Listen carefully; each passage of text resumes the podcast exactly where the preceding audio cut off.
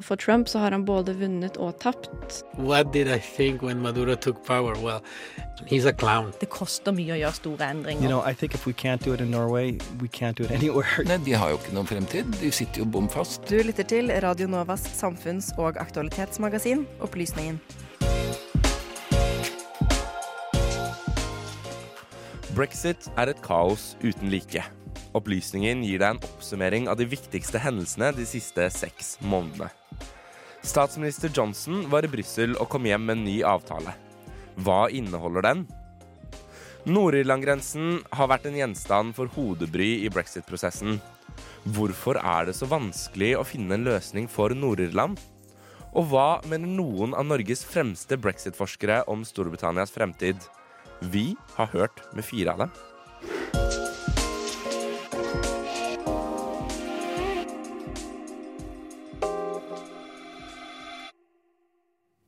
God morgen, god morgen, god morgen. Klokka den er akkurat bikket ti denne strålende fredagsmorgenen i november, mer spesifikt første. Og du lytter til Opplysningen 99,3 på Radio Nova. Mitt navn det er Sander Zakaria, og jeg skal lose deg gjennom denne sendingen her på kanalen. Og med meg i studio så har jeg Mathilde Israelsen, god morgen. God morgen. Og Sebastian Hagel, god morgen. Veldig god morgen. Denne uken er det brexit spesial. For etter planen skulle britene i går forlatt EU. Men uh, i dag så er de nok en gang inni, fordi de har fått en enda ytterligere utsettelse og nå ikke trenger å forlate før 31. januar. Dette er britenes tredje utsettelse, og i mellomtiden har det skjedd mye. Britene har fått en ny statsminister. Parlamentet har blitt forsøkt stengt. Brexit-partiet har kapret 27 av britenes seter i Europaparlamentet og er nå det største partiet fra britenes side i nettopp dette parlamentet. Og vi får nyvalg i desember. Hva foregår, hvorfor, og ikke minst, hva kan skje? Det skal vi ta en titt på i dag. Så flott det er å samles her ved, ved kanten på stupet. Lov å svare ja eller nei.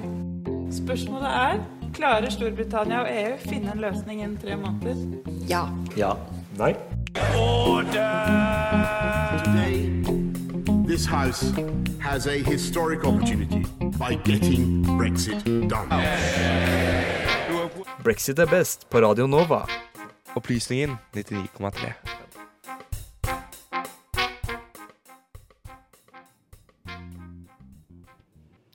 Den 24. mai i år kunngjorde Theresa May at hun vil trekke seg som statsminister i Storbritannia, etter tre mislykka forsøk på å få igjennom en avtale om utmeldelse fra EU i parlamentet i London. Månedene som har fulgt dette, har vært prega av kaos. I sentrum har statsminister Boris Johnson stått. I dette innslaget, laga av meg, Mathilde Israelsen, gir vi det en oppsummering av de viktigste hendelsene i prosessen mot en eventuell brexit de siste seks månedene.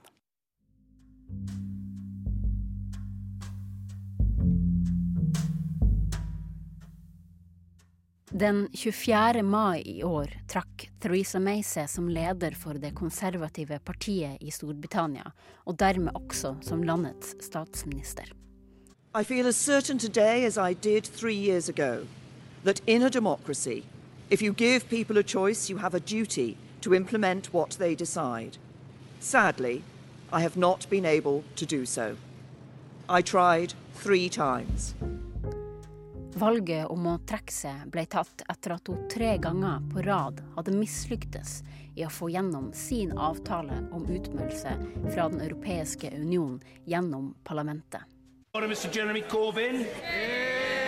Thank you, Mr. Speaker. The government has been defeated again by an enormous majority, and they must now accept their deal, their proposal, the one the Prime Minister has put, is clearly dead and does not have the support of this House.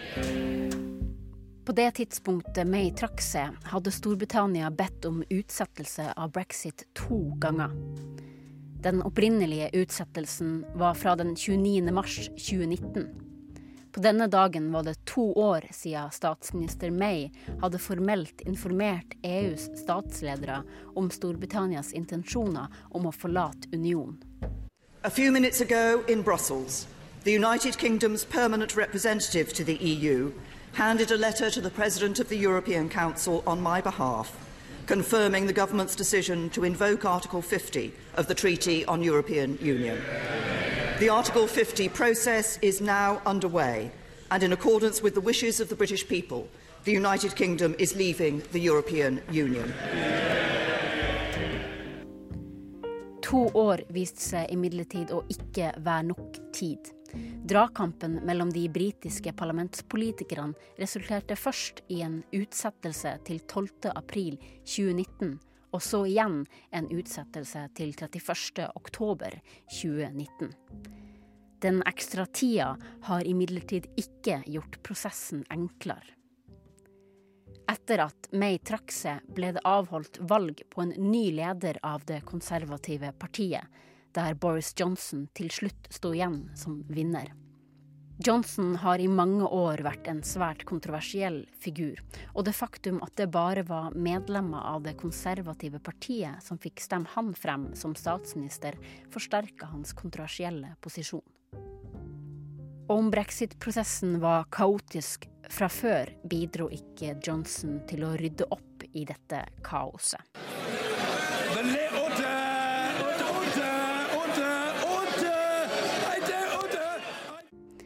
Den 25.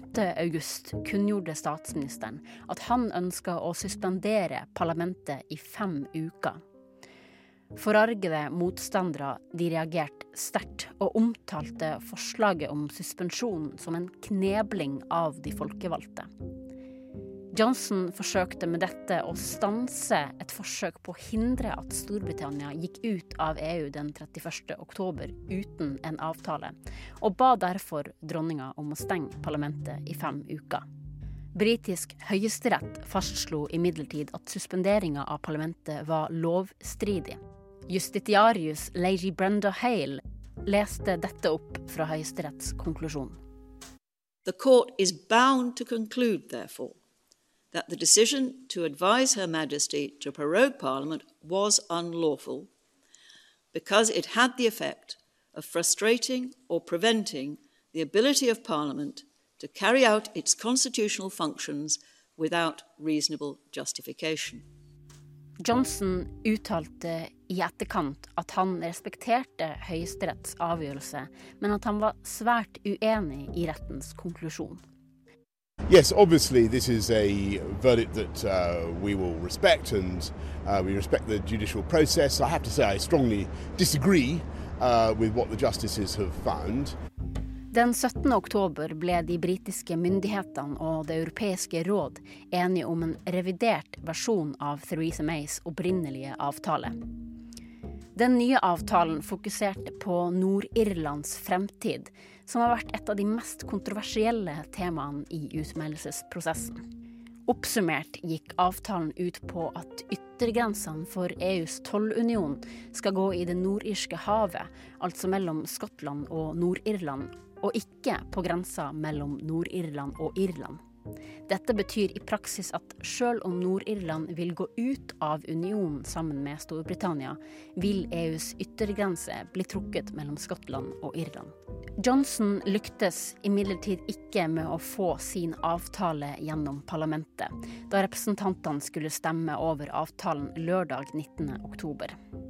Wish the House to know that I'm uh, not daunted or dismayed by this particular result, and uh, I think it probably it probably became likely once it was obvious that the amendment from the uh, my my right honourable friend, uh, the member for West Dorset, was going to remain uh, on the order paper. I, I continue in the very strong belief that the best thing for the UK and for the whole of Europe is for us to leave with this new deal on October the 31st.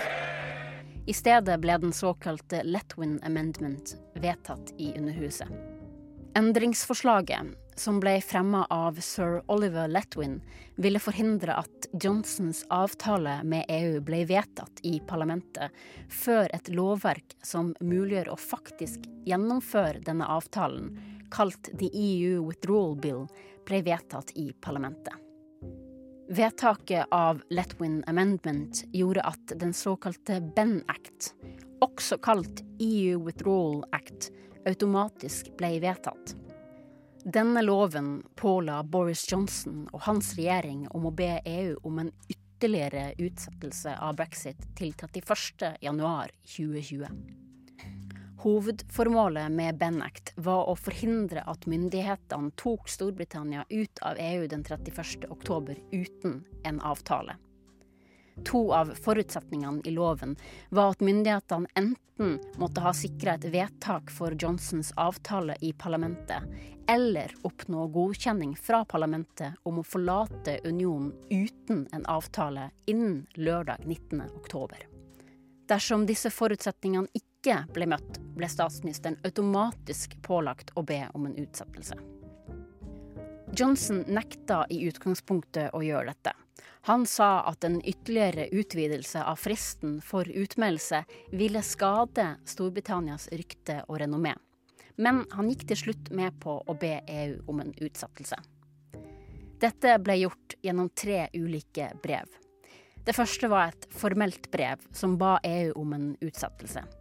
Så ble det sendt et nytt brev, der Storbritannias representant til EU, Tim Barrow, understrekte at det første brevet var sendt fra det britiske parlamentet, og ikke de britiske myndighetene. Det tredje brevet var fra Boris Johnson sjøl, som understrekte hans sterke motstand mot en utsettelse, og ba innstendig om at EU ikke skulle gå med på parlamentets ønske om å utsette brexit til 31.1.2020. Johnsons motstand mot denne utsettelsen kan ligge i at han har lagt høy prestisje i å få Storbritannia ut av EU innen 31.10. Om Johnson skal få muligheten til å ta Storbritannia ut av EU, er nå usikkert. Etter mye om og men har parlamentet kommet fram til at det skal holdes nyvalg den 12. desember i år. There is only one way to get Brexit done in the face of this unrelenting parliamentary obstructionism. This endless, willful, fingers crossed, not me gov refusal to deliver on the mandate of the people, and that is, Mr. Speaker, to refresh this parliament and give the people a choice. Det gjenstår dermed å se om det er Johnson og de konservative som sitter ved spakene etter den 12. desember. Mr. Speaker, the government has been defeated again by an enormous majority. Of the contrary, no.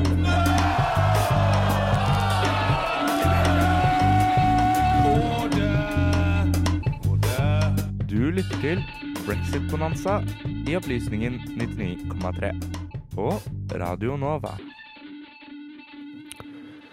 Denne uken så ble det klart at vi får et nyvalg i Storbritannia den 12. desember.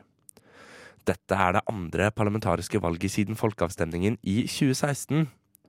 Ved forrige valg lovte Theresa May det hun selv omtalte som en landslide election, men de konservative mistet flertallet i parlamentet og er nå en del av en mindretallsregjering. Nå er det duket for et nytt nyvalg. Og hva kan bli resultatet av dette? Under brexit dagen for dagen på onsdag uttalte Øyvind Brattberg følgende. Det er det konservative partiet alene som må vinne fram dersom man skal få en konservativ regjering. Det nytter ikke å, å belage seg på, på, støtte fra andre partier, for da, da ligger det en bred portefølje av opposisjonspartier, eh, hvilket også betyr at alternativet til en konservativ regjering blir en, ja, et, et, et, mangfoldsperspektiv som kommer til å bli ganske interessant, hvor, hvor både et, et, et Labour-parti som snakker i seg selv med mange, snakker mange språk samtidig, må slå pjaltene sammen med både skotske nasjonalister, liberaldemokrater, grønne og andre potensielt, og skape en slags regnbue variant, regnbuekoalisjon, som er meget ubritisk og fullstendig upløyd terreng. I dagens utgave av Aftenposten skildrer politisk kommentator Øystein Langberg to ulike scenarioer som vil gi to helt forskjellige utfall av nettopp dette valget, og dermed også brexit. Det ene vil gi et klart største parti i form av Labour, og det andre skisserer et sterkt konservativt parti. På de siste målingene derimot ser vi et kraftig svekket Labour og et utrolig sterkt Tory, eller konservativt parti. Selv om det ikke er like sterkt som skissert i disse scenarioene. Og Mathilde Israelsen og Sebastian Hagel, dere har jo lest dere litt opp på dette her. Sebastian, hvorfor får vi et nyvalg akkurat nå? Vel, Boris Johnson gjør litt som Theresa May gjorde eh, i sin tid, og kaller et nyvalg etter å ha selv tapt i parlamentet, for å da forhåpentligvis for hans egen del da, få en switch innen eget parti og i parlamentet som en helhet, for å da kunne få gjennom sin type avtale. Um, og grunnen til at vi får nyvalget nå, er fordi at Labour-partiet er jo da enig i at vi trenger et valg nå, fordi de selv anser seg selv som i posisjon for å tjene på dette. Nettopp fordi at det, folket føler på en slags brexit-fatigue, eller at det, Johnsons måte å føre brexit på ikke fungerer helt, da. Det er jo veldig interessant at du trekker fram dette med brexit fatigue, fordi at uh, på dette samme eventet på onsdag så uttalte Kristin Haugevik seg om brexit fatigue. Vi kan høre et lite klipp derfra. Jeg har også sett på nettet at brexit fatigue er etablert som et sånn nytt begrep som en del eh, mennesker lider av nå. Fordi det som er, eh, kan bli skummelt da, for britene, er hvis de får apatiske velgere da, i møte med denne store eh, sånn Problemet som brexit nettopp er, at du får velgere som ikke ønsker å delta i demokratiet, nettopp fordi det skjer jo ingenting. Men samtidig så sier en rekke eksperter at eh, brexit har ført til økt engasjement rundt politikk. Man har i mange år snakka om en økende apatisk velgerskare. Rett og slett at folk bryr seg mindre om politikk. Men så ser man at brexit har igjen gjort at folk interesserer seg om politikk, for dette er en sånn sak som er så veldig viktig for, for deres liv og for deres hverdag. Men så kan man jo kanskje tenke seg at uh, denne brexit-fatiguen, at folk rett og slett er, er veldig lei av brexit og av brexit-prosessen, og at det kan føre til at uh, ja, folk velger å ikke stemme. At de ikke helt gidder å følge med på prosessen lenger. Det får vi jo se hva som skjer etter hvert. Ja, for altså Hvis du gjør et kjapt, kjapt Google-søk på, eh, på nettopp brexit, da, eh, så får du over 762 millioner resultater. Altså det snakkes mye, mye om. Eh, og det er jo en viktig, viktig ting som skjer i, i eh, Storbritannia og i den liksom store internasjonale spillet for tiden. Men Mathilde, hvilken påvirkning kan dette valget ha for den fremtidige brexit-prosessen? Ja, Vi kan jo først se på litt utfall. Hvis eh, de, de konservative får flertall i parlamentet, så har de gått til valg på at eh, de skal bare get brexit done. Og det går ut på at man rett og slett skal ta Storbritannia ut av EU den 31. januar. Med den reviderte avtalen som Boris Johnson har lagt fram for parlamentet tidligere.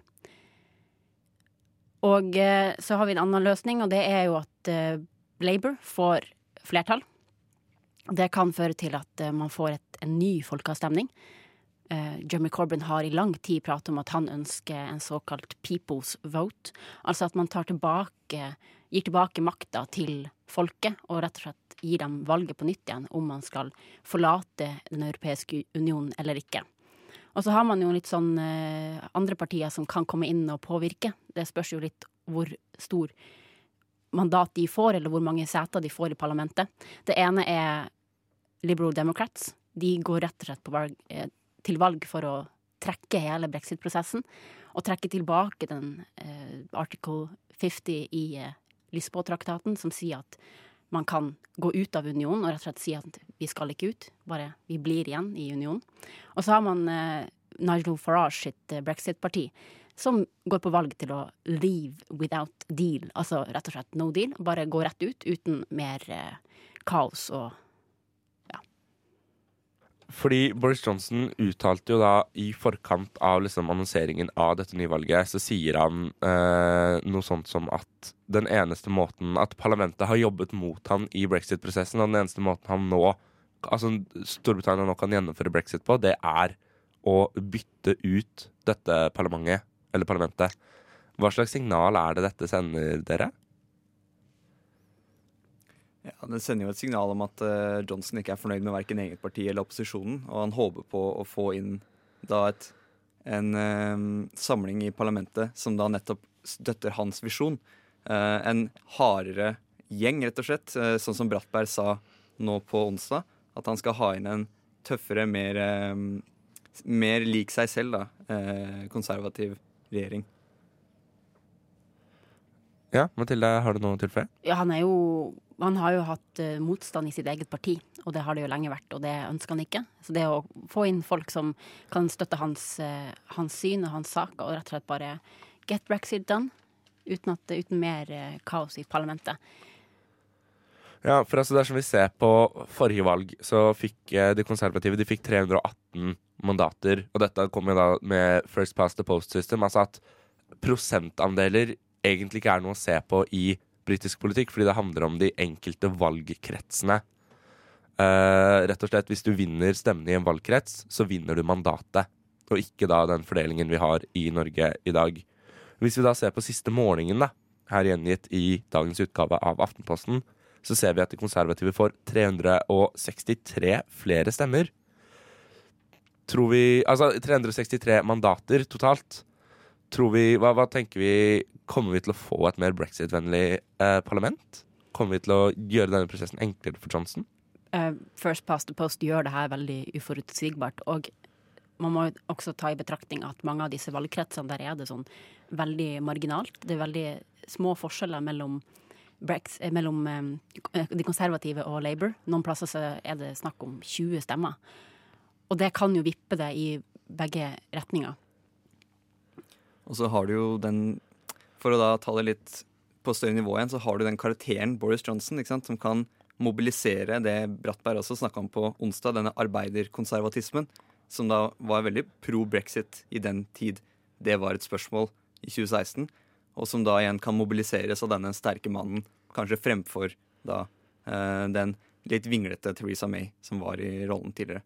Men da håper jeg bare på at vi har greid å opplyse litt mer om dette nyvalget. Og så er det rett og slett veldig lite annet å gjøre enn å vente og se hva som skjer i desember. Og så er også Radio Nova her for å gjøre opptak til sendingene sine. Opplysningen. Vi er der det skjer. Opplysningen.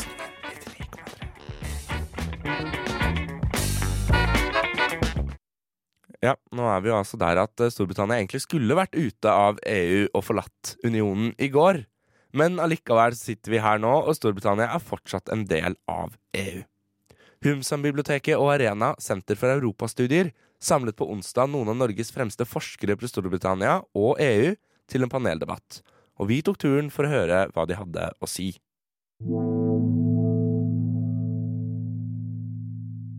På onsdag inviterte Arena, Senter for europastudier og Humsam-biblioteket ved UiO til et arrangement om britenes utmelding av EU, brexit. Arrangementet Brexit dagen for dagen samlet noen av Norges ledende forskere innen europastudier og statsvitenskap for å diskutere status om brexit. I panelet satt Kristin Haugevik, seniorforsker ved NUPI, Jon Erik Fossum, professor ved Arena, Senter for europaforskning, Øyvind Brattberg, førstelektor ved Institutt for statsvitenskap, og ordstyreren Guri Rosén, førsteamanuensis ved Oslo OsloMet og forsker ved Arena senter for europaforskning. Brattberg markerte seg tidlig i paneldebatten som en pessimist, og startet debatten slik. Så flott det er å samles her ved, ved kanten på stupet. Det var i hvert fall, eh, det var i hvert fall sånn det så ut til å, til å bli en stund. At dette å, å, være her 30.10 skulle bety at vi sto på kanten av, av, stupet, metaforisk forstått. Så har noen flyttet på den kanten igjen, og det gjør de jo til stadighet. Akkurat som om det er en dårlig westernfilm. Det er Westernfilmer har kanskje ikke stup og klippekanter, men likevel. Innad i panelet hadde paneldeltakerne tre ulike roller. Fossum fokuserte på EUs interne prosesser rundt nettopp brexit og uttalte seg overrasket over hvordan EU hadde jobbet internt med prosessen. Um, Brexit er ofte fremstilt som en skilsmisse der to parter ved hver sine barn, i analogien borgerne selvfølgelig, bestemmer seg for å skilles.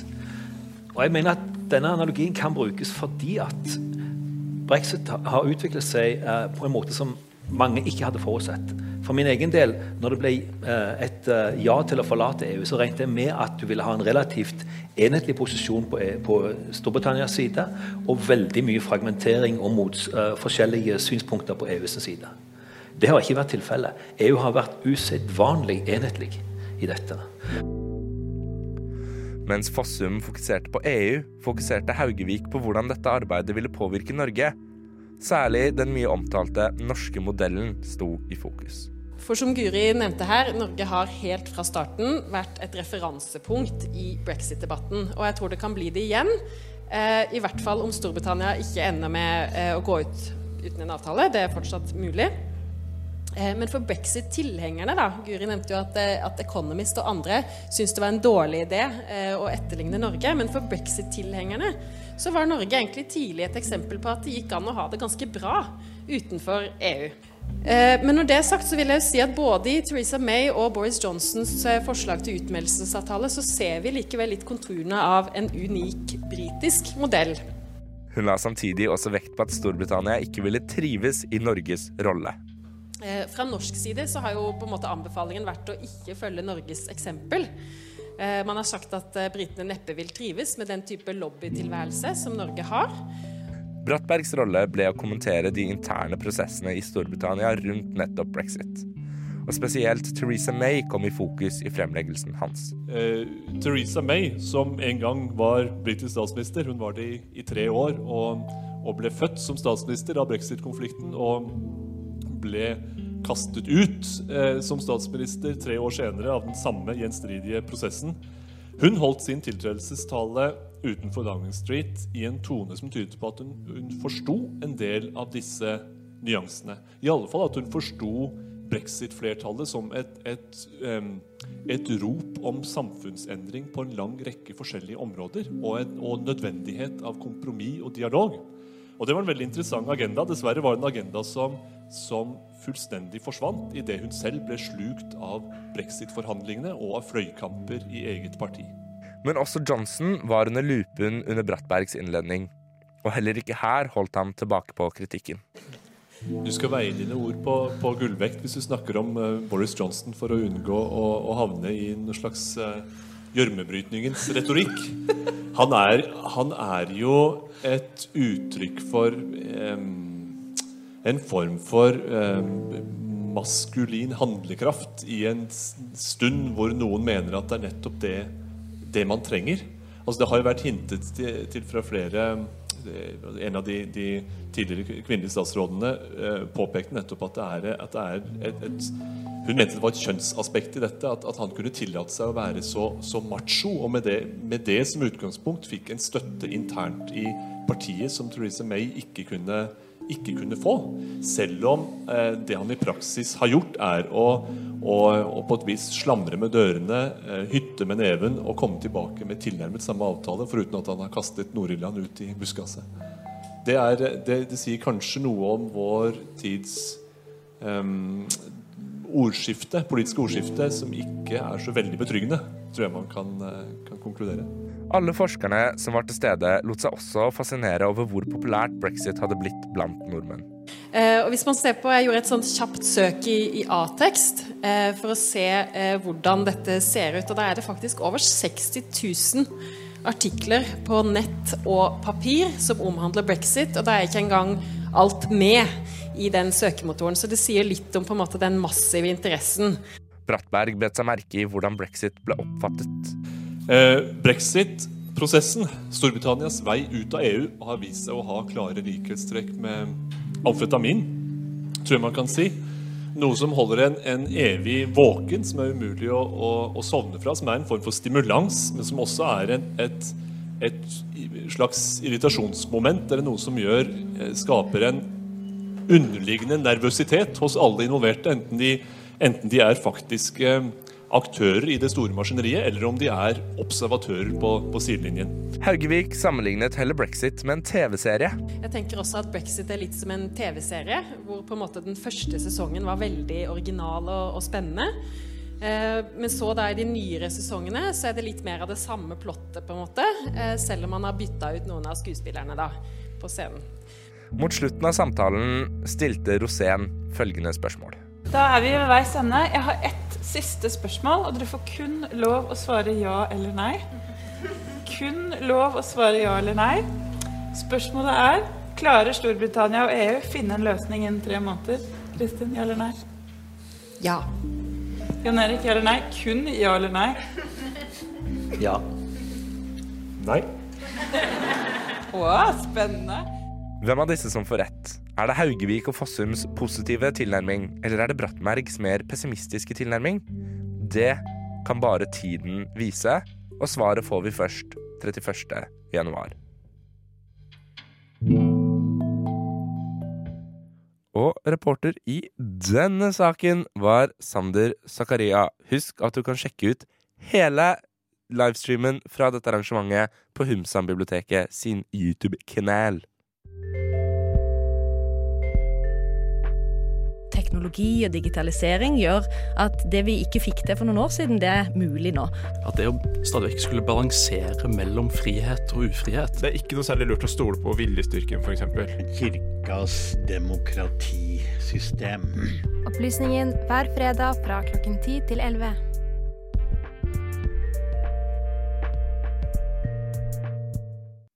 du lytter altså til Opplysningen, og vi snakker om brexit. Og i den sammenheng er det viktig å snakke om Boris Johnson. For Boris Johnson skal nemlig gjøre det Theresa May ikke kunne. Få Storbritannia ut av EU. Første skritt er å få på plass en forsvarlig avtale hele parlamentet kan stelle seg bak. Hva inneholder Johnsons første forsøk? Nå skal du høre ukas opplysning på Radio Nova.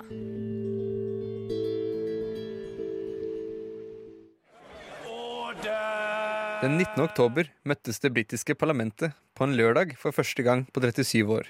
Samlingen, omdøpt i britisk media til Super Saturday, et spill på fotballens Super Sunday, omhandler naturlig nok brexit. Gjenstanden for diskusjon denne høstfulle lørdagen var Boris Johnsons nyforhandlede avtale etter nok et toppmøte i den europeiske hovedstaden. Avtalen ble beskrevet av Johnson som do or die i forhold til å forlate EU på allehelgensaften. Today, this House has a historic opportunity to show the same breadth of vision as our European neighbours, the same ability, resolve to reach beyond past disagreements by getting Brexit done. Ut med min avtale, eller med ingen avtale, mente hardlineren Johnson. Johnsons avtale er i praksis temmelig lik Mays avtale, som er stemt ned utall ganger over hennes regjeringsperiode. Der avtalen skiller seg fra Mays avtale, er i måten den behandler øya Irland på.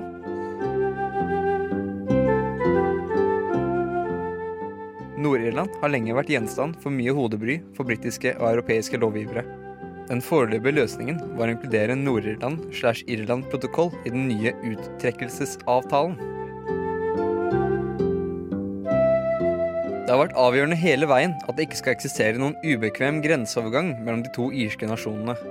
Our negotiations have focused on the uniquely sensitive nature of the border between Northern Ireland and the Republic.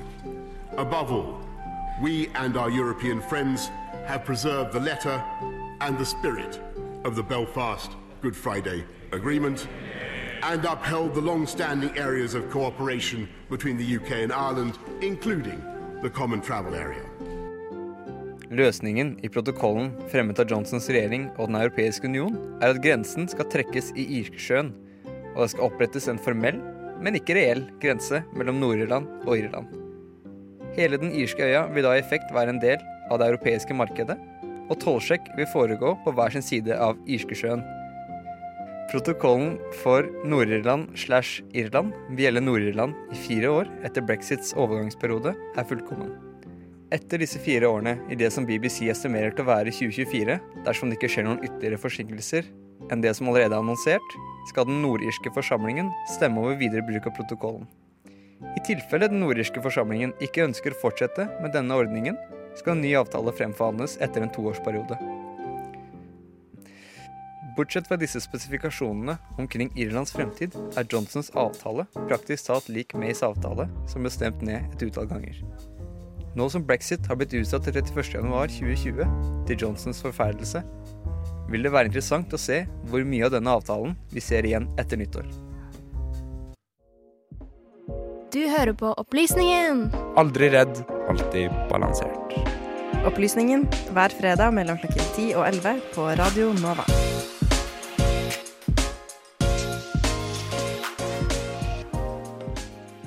I brexit-forhandlingene snakkes det mye om Nord-Irland og Irland. Hvorfor er dette så viktig? Dette skal vi høre mer om i dette gjenhøret med innslaget laget av Anna Lea Poppe.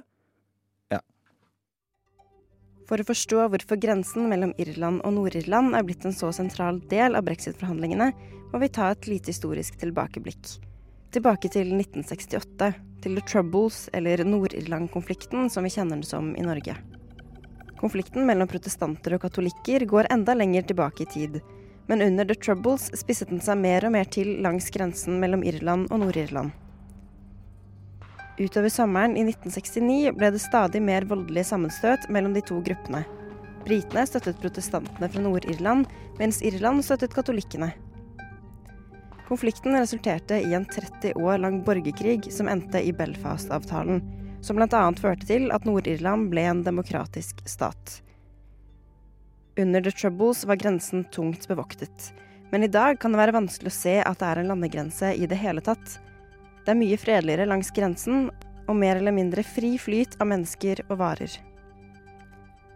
I dag frykter flere at grensen ikke vil være like åpen etter brexit, og at den gamle konflikten skal blusse opp igjen. Det er også flere som jobber på én side av grensen, men bor på den andre. De frykter nå at det vil være så vanskelig å krysse grensene etter brexit, og at de dermed vil måtte slutte i jobben. Det kan hende Nord-Irland og Irland vil måtte følge ulike toll- og reguleringsregler, og flere frykter at det vil føre til en omfattende sjekk av alle varer som krysser grensen. Theresa May har lovet at hun skal finne en brexit-avtale som også de som bor i Nord-Irland vil støtte.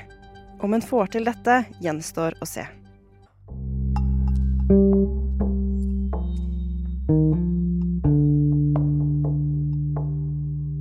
This is insane. I've never seen this in any other country. Never in my life. People eating from the trash, fighting about it. Eh, Når så mange er ensomme, så ligger jo på en måte ikke dette på, på individet lenger. Det ligger på systemet. Vi er i ferd med å ødelegge evnen vår eh, permanent kognitivt i hjernen til å konsentrere oss over lengre tid. Radio Novas samfunns- og aktualitetsmagasin gir deg historiene, sakene og debattene andre overser. Aldri redd, alltid balansert. Opplysningen 99,3. Yes. Opplysningen 99,3 det er programmet du hører på, og nå begynner sendingen vår å gå mot slutten. Medvirkende til denne ukens sending har vært Mathilde Israelsen, Ingar Jakob Feiring, Sebastian Hagel, Anna Lea Thorseth Poppe. Mitt navn det har vært, og er også neste uke, Sander Zakaria. Tusen takk for at du har hørt på Opplysningen denne uken. Men vil du høre mer om brexit? På våre nettsider radionova.no har vi en nettsak ute der vi forklarer brexit for deg i sju enkle steg. Der er det attpåtil en video som enkelt forklarer brexit for deg. Last også ned andre opplysningen-podkaster for å høre enda mer om andre spennende temaer, og ikke minst følg med på sosiale medier. Men du, ikke forlat kanalen helt enda, for etter oss kommer Studentnyhetene. Og Ingar Jakob Feiring, hva er det dere skal snakke om i dag? Vi tar bl.a. med oss eller eh, opp at uh, hva som skjer med ungdomspsykologene som saksøker staten fordi de ikke får lov til å jobbe som psykologer. Uh, og vi skal uh, ta opp hva som egentlig skjer med studentparlamentvalget ved Oslo OsloMet denne, denne høsten. Så utrolig spennende. Altså ingen grunn til å skru av radioen helt enda? Absolutt ikke. Vi har også mange andre gode saker. Ja, så spennende. Da er det altså bare å følge med på Studentnyhetene. Vi i Opplysningen, ja, vi takker jo for oss. Eh, Sebastian Hagel. God helg, god helg. Mathilde Israelsen. Riktig god helg. Og Sander Zakaria sier også god helg. Ikke glem at brexit ikke er over enda, og det kommer alltid til å skje nye ting ved hvert eneste åndedrag.